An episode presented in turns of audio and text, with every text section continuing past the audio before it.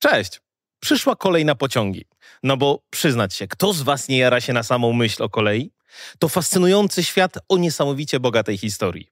Niestety nie zawsze pozytywnej. Taki niezbyt chlubny rozdział pisze się właśnie, ponieważ docierają do nas coraz to nowe informacje w temacie afery dotyczącej pociągów Impuls produkowanych przez firmę Newak z Nowego Sącza.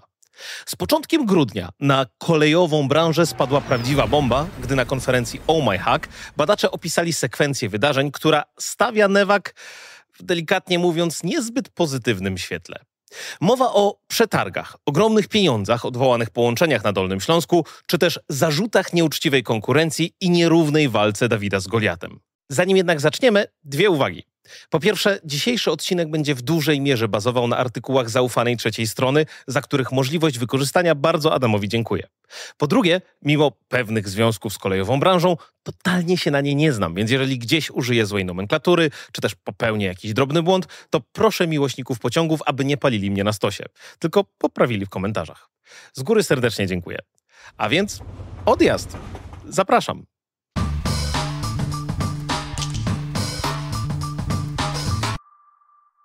Pociąg, co chyba nie jest dla nikogo żadnym zaskoczeniem, też się zużywa. I nie chodzi jedynie o zabrudzone czy też przetarte fotele. To przecież kilkaset ton stali i nie tylko, rozpędzonych do wysokich prędkości, co może być bardzo niebezpieczne, gdyby doszło do jakiejś awarii. Na przykład w wyniku zaniedbań w jego bieżącej obsłudze. Odgórnie więc systemowo wymuszane są terminy wykonywanych okresowo przeglądów. Oczywiście jest ich kilka poziomów a tak dokładnie to pięć. Od takiego najprostszego, znanego w nomenklaturze jako P1, do najbardziej hardkorowego P5. Od trzeciego poziomu, czyli P3 wzwyż, zaczyna się już robić naprawdę grubo. Pociąg trzeba praktycznie rozebrać na części pierwsze. Różne jego elementy sprawdzić zgodnie z odpowiednimi procedurami, a potem poskładać wszystko do kupy. Oczywiście nie robi się tego na hura, a bazując na specjalnym dokumencie dokumentacji systemu utrzymania. Co więc chyba oczywiste, taki przegląd kosztuje naprawdę sporo pieniędzy. Mowa o kwotach idących w setki tysięcy złotych za każdy jeden skład. No i do niedawna nieformalny monopol na te przeglądy wysokiego poziomu mieli producenci pociągów. Tacy jak właśnie nowosądecki Newak czy bydgoska PESA, którzy całymi latami utrzymywali, że wspomniana już dokumentacja systemu utrzymania, na której trzeba bazować przy tak grubych przeglądach, jest ich własnością intelektualną, tajemnicą handlową itd. Tak to jednak uległo zmianie dzięki nowej, antymonopolowej interpretacji przepisów przez unijne instytucje. Kiedy więc koleje dolnośląskie potrzebowały wykonać przeglądy P3 w parę lat wcześniej zakupionych od Newagu impulsach, bo te zaczęły dobijać do przebiegów rzędu miliona kilometrów, rozpisano otwarty przetarg. Wygrała go firma Serwis Pojazdów Szynowych ASO Piotr Mieczkowski z Bydgoszczy, a nie Newag, co mogło być nie lada zaskoczeniem. Zaproponowana przez zwycięzcę przetargu całkowita cena wykonania usługi była niższa o około 3 miliony złotych niż propozycja Newagu i miała się zamknąć w kwocie rzędu 22 milionów złotych. No ale przecież nie mogło być zbyt łatwo. Wiosną 2022 roku dobiega powoli końca przegląd P3 pierwszego z impulsów należących do kolei dolnośląskich. Tak jak wspominałem, poważna to sprawa, bo skład patroszy się do gołej blachy. Ale nie ma tragedii. Przetarg na zakup pociągów zawierał przecież zapis uprawniający koleje dolnośląskie do wykonania we własnym zakresie przeglądów okresowych konkretnych poziomów. Producent składów, nowosądecki Newak, zobowiązany został do dostarczenia tej mistycznej dokumentacji systemu utrzymania. A to nie lada kobyła, bo lektury jest tam na jakieś 20 tysięcy stron. Mając więc kompletną instrukcję, co może pójść nie tak? No, okazuje się, że całkiem sporo. Po poskładaniu w całość pociąg nie rusza. Komputer pokładowy nie wyświetla żadnych błędów, ale skład po zadaniu polecenia jedź zwalnia hamulce, jednak nie chce ruszyć z miejsca jak jakieś osioł albo ciele, które się uparło. Silniki nie dostają żadnego napięcia z falowników i nikt nie wie dlaczego. W dokumentacji nie ma ani słowa o takim zachowaniu, więc w sumie nawet niezbyt jest pomysł, od czego zacząć.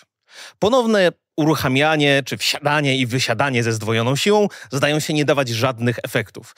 No a to dopiero początek problemów. Impulsów na taki przegląd zaplanowanych jest 11 sztuk. Gdy pierwszy ciągle stoi i nie da się go uruchomić, to w międzyczasie już kolejny trafia na serwis. No i to samo. Po przeprowadzeniu przeglądu zgodnie z procedurą, ten też nie odpala i nikt nie wie dlaczego. Oczywiście problem zostaje zgłoszony producentowi, czyli firmie Newag. Odpowiedź? Zadziałał system bezpieczeństwa i zablokował pociągi. Tylko, że w instrukcji nie ma o nim żadnej wzmianki. A koszty w międzyczasie rosną i to szybko. Pojawia się też widmo kar umownych, bo pociągi zamiast jeździć i wozić pasażerów, stoją sobie bezczynnie w serwisie. W SPS-ie robi się gorąco. Ktoś więc wpada na nieszablonowy pomysł. Jaki zapytacie? Ano taki, żeby zerknęli na to specjaliści od cyberbezpieczeństwa. I to nie byle jacy. O kim mowa? O polskiej grupie Dragon Sector, którą sam też od lat podziwiam za niezliczone już sukcesy w konkurencjach kategorii Capture the Flag na różnych konferencjach. Z kilkoma z nich nawet miałem okazję przybić piątkę, tak na minionym Omajhaku, jak i dawno, dawno temu na którymś Devconie. To jest absolutnie światowa czołówka w zakresie cyberbezpieczeństwa, warto mieć tego świadomość. Tematem postanawiają zająć się Michał Redford-Kowalczyk, Sergiusz Kutrzyka-Bazański oraz Kuba Pankleszcz-Stępniewicz. W sumie nie ma się co dziwić, kto by tam nie chciał zaspokoić nostalgii za dzieciństwem i znów pobawić się pociągami. I to w pracy. Grupa badaczy przyjeżdża na miejsce i staje przed karkołomnym zadaniem. Rozpracować w najdrobniejszych szczegółach, jak działa coś, z czym spotykają się po raz pierwszy w życiu. Nie zwlekając zanadto, biorą się więc do roboty. Jak się okazuje, w pociągach, podobnie zresztą jak w samochodach, do komunikacji pomiędzy podzespołami wykorzystuje się szynę CAN. To popularne rozwiązanie, które pozwala nie łączyć każdego jednego elementu systemu z innymi na rozgwiazdę, ciągnąc przy tym kilometry kabli, a podpiąć poszczególne podzespoły do takiego wspólnego rdzenia nerwowego, który spina wszystko ze sobą w jedną całość. Skoro więc jest ona tak istotna i odpowiada za całość komunikacji, to dobrze zacząć od podsłuchania, co tam się na niej tak właściwie dzieje. Sama możliwość słuchania to jednak tylko początek, no bo to trochę jak nagła teleportacja do jakiegoś egzotycznego kraju, nie znając ni wiotę używanego w nim języka. Niby słychać, że ktoś coś mówi, ale w sumie i tak nie wiadomo o co chodzi. Badaczom udostępniono również zapasowe komputery oraz zestaw narzędzi deweloperskich SDK. Jednak nie wystarcza to, aby zgrać całe oprogramowanie z pamięci pociągu. Można tylko wgrać nowszą jego wersję. Udało się odnaleźć interfejs debugujący, z którego żmudnie, bajt po bajcie, zaczęto odczytywać pamięć urządzenia. Tak, żeby to nikomu nie umknęło. Przypominam, nie ma żadnych gotowych narzędzi do prowadzenia takich analiz. Nie wystarczy w wyszukiwarce wpisać narzędzie do debugowania pociągów, żeby znaleźć jakiś zapomniany projekt na GitHubie. Wszystko trzeba albo zrobić samemu, albo zmodyfikować coś już istniejącego do swoich potrzeb. Z czasem zaczynają pojawiać się jakieś skromne efekty prac. No właśnie, z czasem. A ten biegnie nieubłaganie. Koszty stale rosną, a koleje dolnośląskie i ich pasażerowie są pewnie coraz bardziej wściekli na całą tę sytuację. Czy to dobry moment na wywieszenie białej flagi? Kiedy na przegląd ma trafić kolejny już impuls, gdy żaden poprzedni jeszcze nie opuścił o własnych siłach bram niezależnego serwisu, koleje dolnośląskie podejmują odpowiedzialną decyzję. Podkulają ogon, chowają dumę głęboko do kieszeni i wysyłają skład na przegląd prosto do producenta. Logiczne. Nie mogą sobie pozwolić na to, żeby cała flota nowych składów stała niesprawna i nie woziła pasażerów. Newak oczywiście sprawnie ogarnął temat za dodatkową opłatą i pociąg przesłany do nich zamiast do SPS-u poza przetargiem zadziałał jak gdyby nigdy nic. W sumie wniosek wydaje się oczywisty. Jakaś mała firemka wystartowała w ogromnym przetargu, nie mając do tego odpowiednich kompetencji i tylko serwis u producenta może zapewnić bezproblemową obsługę składów. No proste. Jest tylko w tym rozumowaniu jeden maleńki problem. W identyczny sposób potrafiły wcześniej zepsuć się składy, które do SPS na przegląd wcale nie trafiły, a stały po prostu przez jakiś czas na bocznicach kolei dolnośląskich. W Szczecinie doszło do podobnej sytuacji, gdzie skład innego operatora po serwisie też odmówił współpracy. Nie ma przypadków, są tylko znaki. Po rynku zresztą podobno zaczęły chodzić zakulisowe plotki, że za tymi awariami stoi sam producent impulsów. No ale plotki ploteczkami, kto by tam tego słuchał i wierzył w jakieś teorie spiskowe? Umowa z SPS ma zostać zerwana, jeżeli w bardzo szybkim tempie nic się nie zmieni. W dodatku rosną też kary umowne do wysokości 2 milionów złotych, bo wszystkie znaki na szynach i pantografach wskazują przecież na to, że SPS nie ma kompetencji do przeprowadzania napraw. Atmosfera więc pewnie jest gorąca jak hutniczy piec, a jak wszyscy wiemy, to zawsze pozytywnie wpływa na tempo prac. Badacze w międzyczasie wciąż w pocie czoła analizują wyjęte z pociągów sterowniki i odnoszą w końcu pierwsze widoczne sukcesy. Udaje im się odnaleźć taką konfigurację flag w pamięci urządzenia, która wieszczy możliwość uruchomienia pociągu. Jednak, jak nie urok, w urządzeniu tym pali się kondensator. Cóż, to pewnie efekt złośliwości rzeczy martwych albo wpływ tej gorącej atmosfery.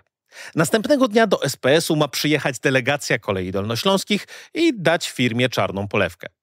Badacze wymieniają podzespoły pomiędzy urządzeniami i udaje się uruchomić komputer w takiej konfiguracji, która ma pozwolić na wystartowanie niedziałającego składu. Wyruszają więc w drogę do siedziby serwisu, ale spóźnia im się pociąg. Cóż, interesujący zbieg okoliczności. Mimo to docierają rano do miejsca i. Nie działa. Hmm. Czy to koniec? No nie. Badacze pochylają się jeszcze raz nad problemem, sprawdzają pewnie już setny raz konfigurację, odnajdują drobny błąd i pociąg uruchamia się. Na niecałą godzinę przed przyjechaniem delegacji. Umowa nie zostaje zerwana. Tylko co tak właściwie się stało? O tym wszystkim badacze postanowili w końcu opowiedzieć szerszej publice 5 grudnia na konferencji Oh My Hack na Stadionie Narodowym, gdzie też miałem okazję wystąpić i pech chciał, że wrzucono nas w ten sam slot godzinowy. No ale mnie nagrywano, a ich nie, więc kiedy tylko spotkałem chłopaków w pokoju dla prelegentów i dowiedziałem się, o czym będzie mowa na innej scenie, to starałem się wszystkich swoich widzów wygonić na prezentację o pociągach. Czego można było się z niej dowiedzieć? W kodzie oprogramowania wewnętrznego pociągów znaleziono wiele ciekawostek. Na przykład koordynaty geolokalizacyjne różnych kolejowych serwisów, innych niż te newagowe, które potencjalnie mogłyby przeprowadzać naprawy składów. Między innymi mowa o serwisach PESY czy SPS-u, ale nie tylko. Tylko po co? Ano, zmienne te wykorzystywane są w kodzie, który sprawdza, czy pociąg nie stoi przypadkiem od jakiegoś dłuższego czasu w bezruchu. Stoi to ma przestać się uruchamiać, bo pewnie trwa jego przegląd. Ale to psuło narrację o nieudolnych serwisantach konkurencji, bo czasami pociągi stały też przez dość długi czas na bocznicach ich użytkowników. Więc gdzieś w międzyczasie, w trakcie jednej z aktualizacji oprogramowania, dodano kolejny warunek właśnie dotyczący geolokalizacji. Od tej pory, jeżeli pociąg stał dłużej, ale tylko we wskazanych miejscach, to dziwnym trafem przestawał się odpalać. Ale to nie wszystko.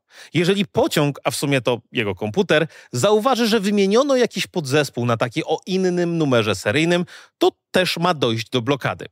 Można było ją jednak obejść, wciskając odpowiednią sekwencję przycisków w kabinie maszynisty.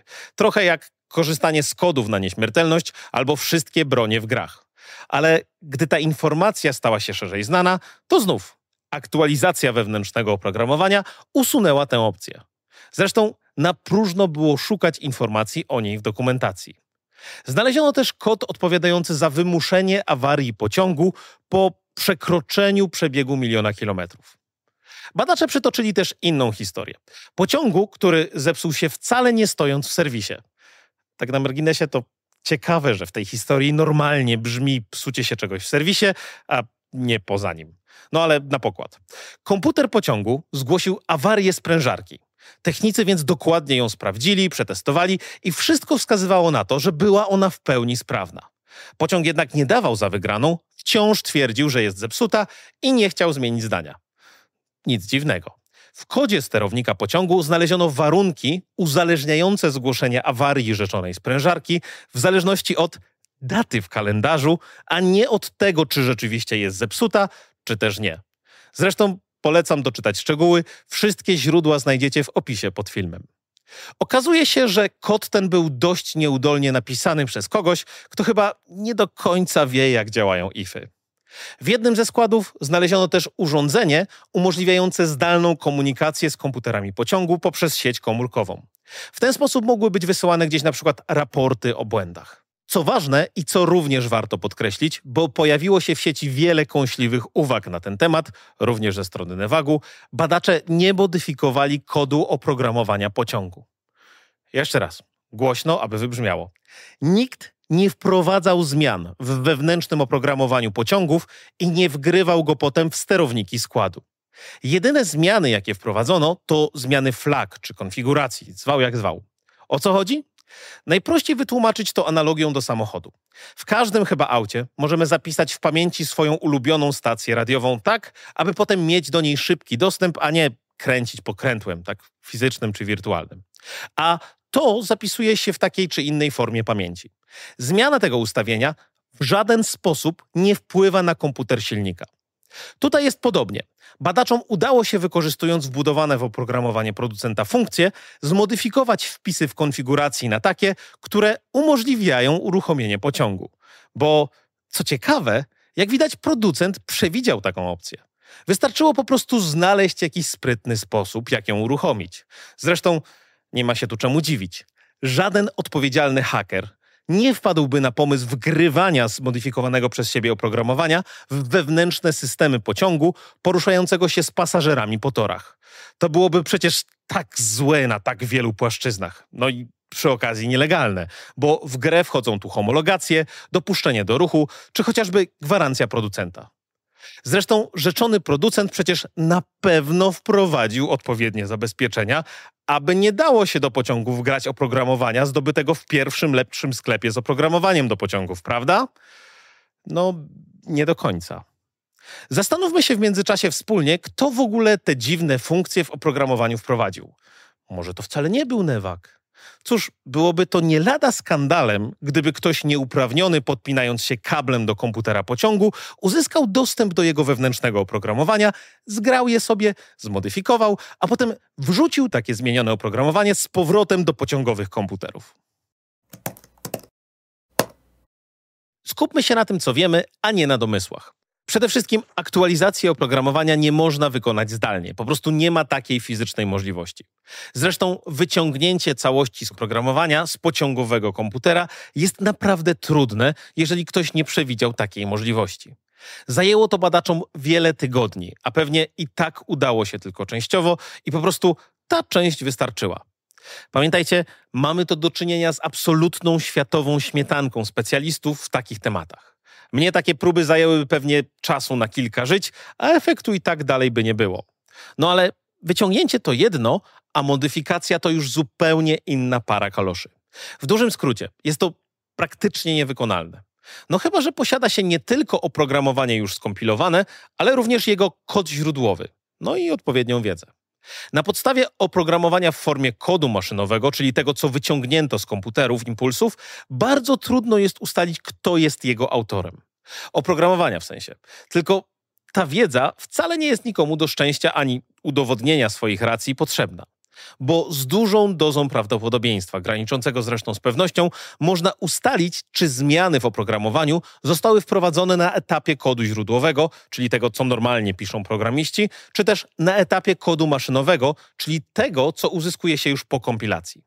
Dlaczego?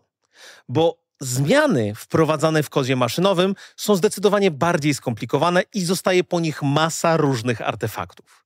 Na przykład jakieś puste funkcje służące tylko do tego, żeby być takimi zapchaj dziurami po czymś, co się usunęło. No a jak chce się coś dodać, co tutaj zresztą było przez Newak insynuowane, spoiler alert, to robi się o rzędy wielkości trudniej. Trzeba albo znaleźć w kodzie miejsce gdzieś, gdzie teoretycznie go nie ma, rozepchać się łokciami, wrzucić tam jakiś nowy drogowskaz, który przekieruje bieg całego programu w inne miejsce pamięci, a potem jeszcze zrobić tak, żeby to wszystko zadziałało. To jest prawdziwy programistyczny koszmar, gdzie w dodatku można popełnić po drodze błędy w setkach miejsc.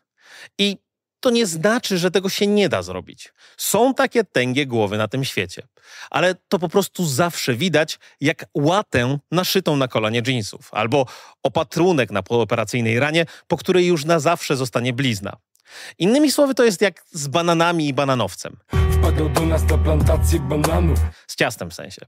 Z bananów zrobicie bananowiec, ale odzyskać potem z gotowego ciasta banany, pozamieniać parę rzeczy i próbować znowu ulepić ciasto, które będzie w dodatku pasowało do takiej samej formy, czyli tak samo wyglądało, to jest strasznie żmudna praca. Zresztą wcale nie ma pewności, czy będzie to w ogóle smaczne, a szansa, że coś po drodze się wywali, jest olbrzymia.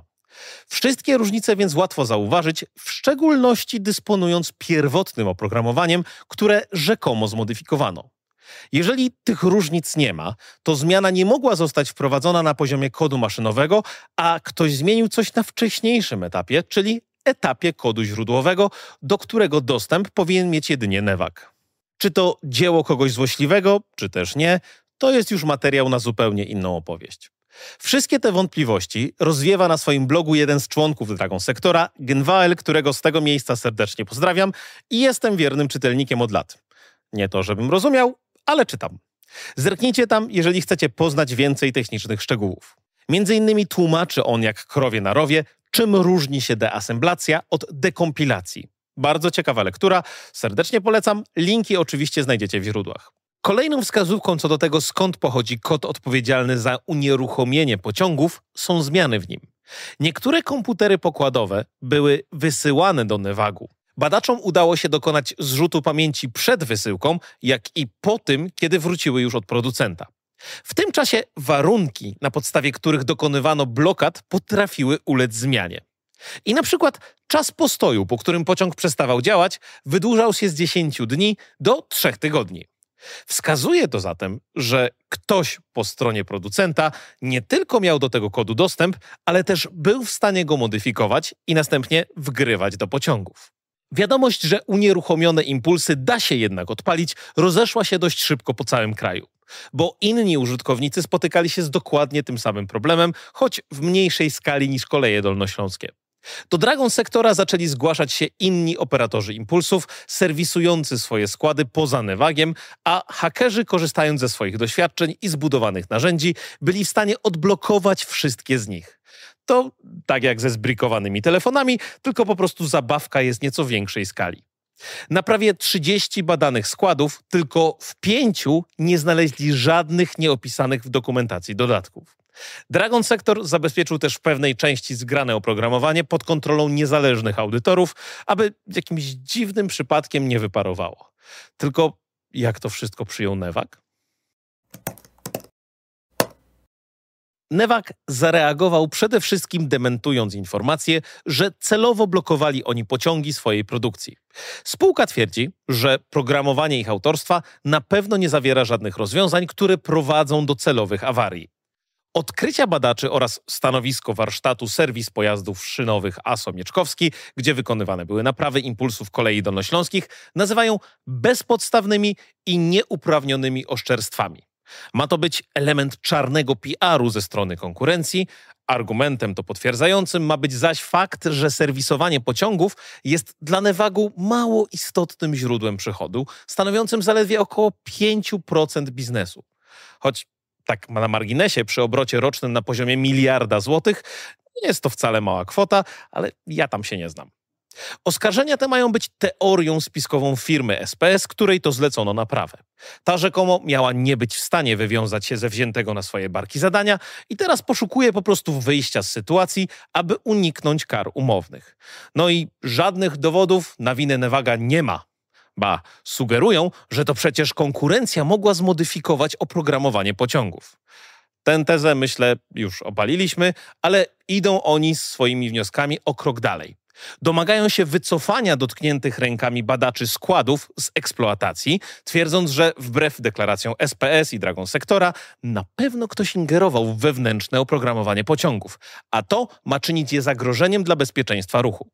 Doniesienia w tej sprawie miały wyjść od Nevagu do służb już w zeszłym roku, kiedy tylko się o tym dowiedzieli. Podkreślają, że składy są już po okresie gwarancji, a dostęp do nich u każdego przewoźnika ma bardzo szeroka grupa podmiotów. I to na przewoźnikach właśnie ciąży odpowiedzialność za to pilnowanie, aby do krytycznych systemów pociągów nie mógł dostać się byle kto, bo zaniedbania w tym zakresie mogą przecież prowadzić do tragedii. Zawiadomienie w tej sprawie złożyli również do Urzędu Transportu Kolejowego, a w stosunku do SPS i Dragon Sektora zapowiedziano pozwy. Czy to przestraszyło badaczy? Bynajmniej. Dragon Sector obstaje przy swoim. Uważają, że ich analizy jasno wskazują, że oprogramowanie impulsów zawierało kod symulujący usterki na podstawie zadanych parametrów, w tym lokalizacji geograficznej. Ba, podkreślają dodatkowo, że Nevak musi być bardzo zaskoczony ich odkryciem, ponieważ wiele wskazuje, zdaniem Dragon Sectora, na fakt, że producent pociągów nie spodziewał się w najśmielszych snach, że ktoś będzie roztrząsał ten temat.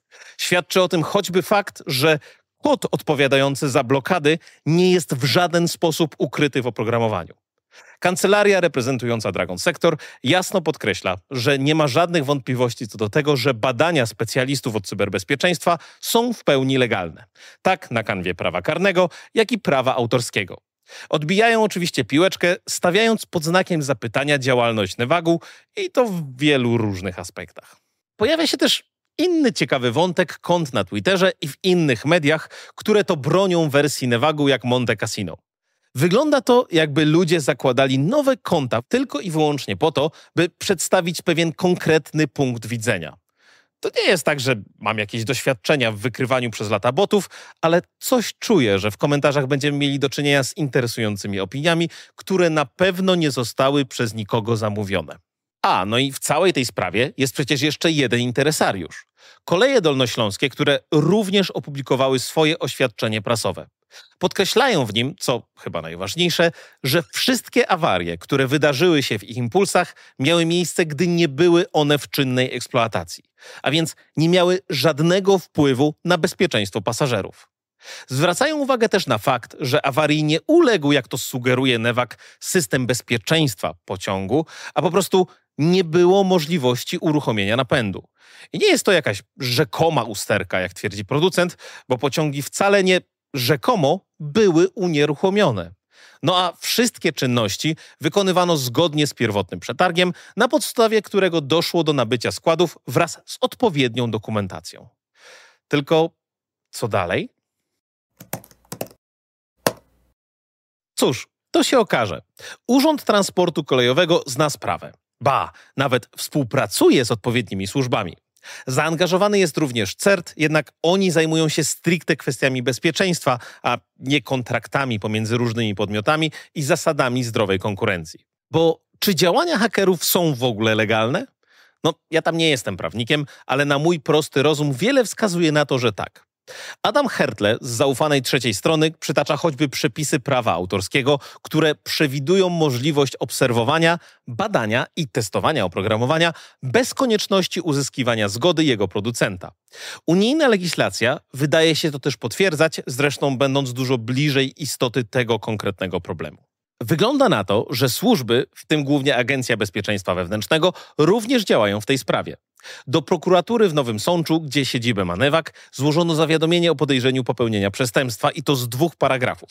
Mowa w nich o niszczeniu i zmienianiu danych informatycznych, o szczególnym znaczeniu dla kraju oraz oszustwie. Ciekawy aspekt poruszyło inne, zacytowane w mediach niestety anonimowo źródło. Istnieje taki artykuł kodeksu karnego stosowany do tej pory przeciwko graficiarzom tagującym składy. Do moich kolegów strzelano. Mowa w nim o uszkodzeniu urządzeń infrastruktury i czynieniu ich niezdatnymi do użycia.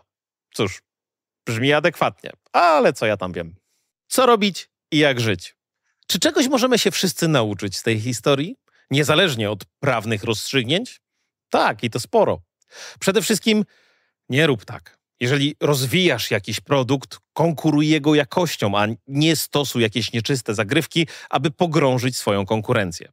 Raz wygrasz, raz przegrasz, pewnie nawet częściej przegrasz i często dostaniesz po tyłku, ale warto być przyzwoitym. To po prostu nie ma swojej ceny. Po drugie, podpisuj cyfrowe oprogramowanie. W przypadku pociągów Nevagu takich zabezpieczeń podobno nie było, co z jednej strony przeraża, że lepiej zabezpieczone potrafi być oprogramowanie naszych telefonów czy też konsoli do gier niż pociągów.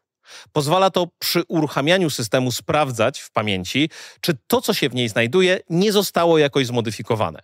Z drugiej umożliwia teraz Nevagowi negowanie rzeczywistości i zasłanianie się tym, że ktoś inny przy tym gmerał. Cyfrowy podpis rozwiałby te wątpliwości i wiadomo byłoby jednoznacznie, kto dany kod wprowadzał do oprogramowania pociągu.